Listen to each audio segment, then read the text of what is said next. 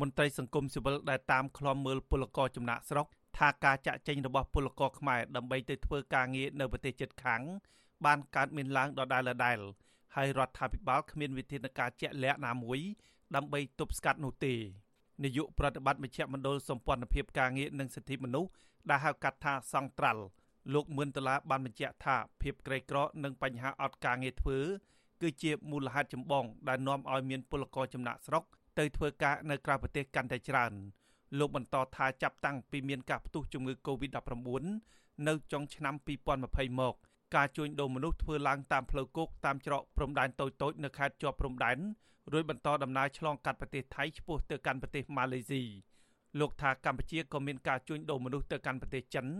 រួចក៏ឆ្លងកាត់ទៅប្រទេសវៀតណាមផងដែរបើសិនជាមនុស្សមាន ស្បៀងគ្រប់គ្រាន់មានចំណូលគ្រប់គ្រាន់ណានៅក្នុងកំឡុងពេលផ្ទុះកូវីដចេះម្នាក់ម្នាក់សិតតែបារម្ភពីការឆ្លងគ្រប់គ្នាអញ្ចឹងបើសិនជាមនុស្សមានស្បៀងគ្រប់គ្រាន់មិនមានសម្ពាធណាមួយទេខ្ញុំជឿថាมันមានពលរដ្ឋណាមួយទៅចង់បថុយប្រឋានហឺហា វាមិនមែនជារឿងមួយហឺហាទៅធ្វើការនៅគេទេអញ្ចឹងណាអញ្ចឹងអឺខ្ញុំថាការលើកឡើងហ្នឹងគ្រាន់តែលើកឡើង ឲ្យទៅរួចបាទការលើកឡើងរបស់មន្ត្រីសង្គមស៊ីវិលនេះធ្វើឡើងក្រោយពីមន្ត្រីជាន់ខ្ពស់ក្រសួងមហាផ្ទៃថ្លែងឲ្យដឹងកាលពីថ្ងៃទី12ឧសភាថាក្នុងរយៈពេល3ខែដើមឆ្នាំ2021នេះសមត្ថកិច្ចបានបង្ក្រាបបទល្មើសជួញដូរមនុស្សចំនួន85ករណីគឺបានកើតមានឡើងចំនួន60ករណីបើធៀបទៅនឹងរយៈពេលដូចគ្នាកាលពីឆ្នាំមុន មានតែ25ករណីក្នុងគ្រាដែលកម្ពុជាកំពុងឆ្លងរីករាលដាលជំងឺ Covid-19 ក្នុងសហគមន៍កាន់តែខ្លាំងរដ្ឋលេខាធិការក្រសួងមហាផ្ទៃនិងជាប្រធានអចិន្ត្រៃយ៍នៃគណៈកម្មាធិការជាតិប្រយុទ្ធប្រឆាំងនឹងការជួញដូរមនុស្សអ្នកស្រីជូប៊ុនអេងប្រាប់អាស៊ីសេរីកាលពីថ្ងៃទី12ខែឧសភាថាមូលហេតុនៃការកើនឡើងនេះដោយសារតែដើមឆ្នាំ2021នេះស្ថានភាពនៅក្នុងប្រទេសដែលខ្មែរកំពុងរស់នៅ មានភាពផ្លាស់ប្ដូរ ហើយមានប្រជាពលរដ្ឋមួយចំនួនគ្មានការងារធ្វើក៏បានសម្រេចចិត្តចេញពីប្រទេសគេចូលមកប្រទេសកម្ពុជាវិញលោកស្រីបានបញ្ជាក់ថាក្នុងដំណាក់កាលនេះសូមឲ្យប្រជាពលរដ្ឋរក្សាភាពស្ងប់ស្ងៀមនិងរស់នៅដោយភាពអត់ធ្មត់ហើយគួរតែស្នាក់នៅក្នុងមួយកន្លែង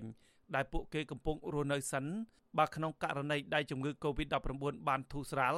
នោះប្រទេសជិតខាងនឹងផ្ដល់ឱកាសការងារឲ្យពលករខ្មែរ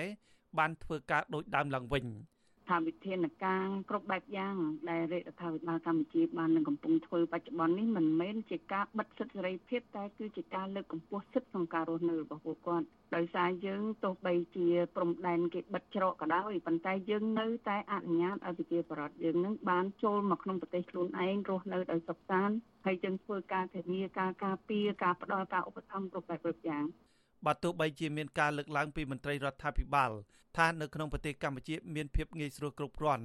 ដើម្បីឲ្យពលករអាចប្រកបជីវភាពរស់នៅបានក៏ដោយក៏មន្ត្រីសង្គមស៊ីវិលនៅតែស្ដីបន្ទោសទៅរដ្ឋាភិបាលថាមិនបានគិតគូរពីជីវភាពឲ្យបានពេញលេញនៅក្នុងពេលមានវិបត្តិ COVID-19 ទើបឲ្យពលរដ្ឋចំណាក់ស្រុកទៅធ្វើការនៅក្រៅប្រទេសដើម្បីក្រពះប្រធានផ្នែកស្ត្រីរបស់សមាគមសិទ្ធិមនុស្សអាត់ហុក លោកស្រីម៉ៅម៉ាប់មានប្រសាសន៍ថាក្នុងរយៈពេល3ខែដើមឆ្នាំ2021នេះ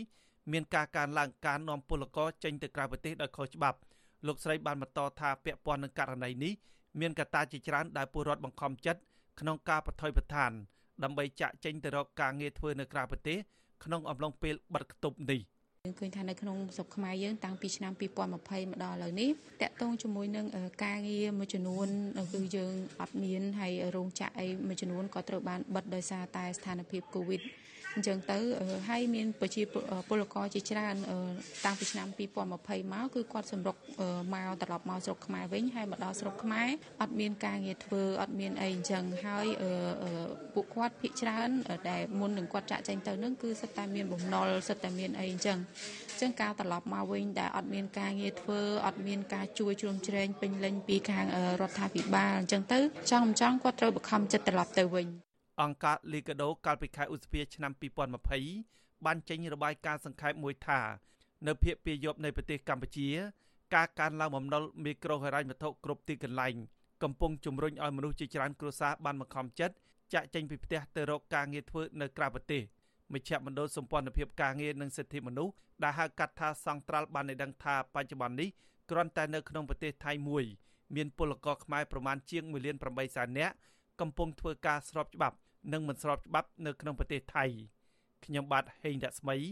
អាស៊ីសេរីពីរដ្ឋធានី Washington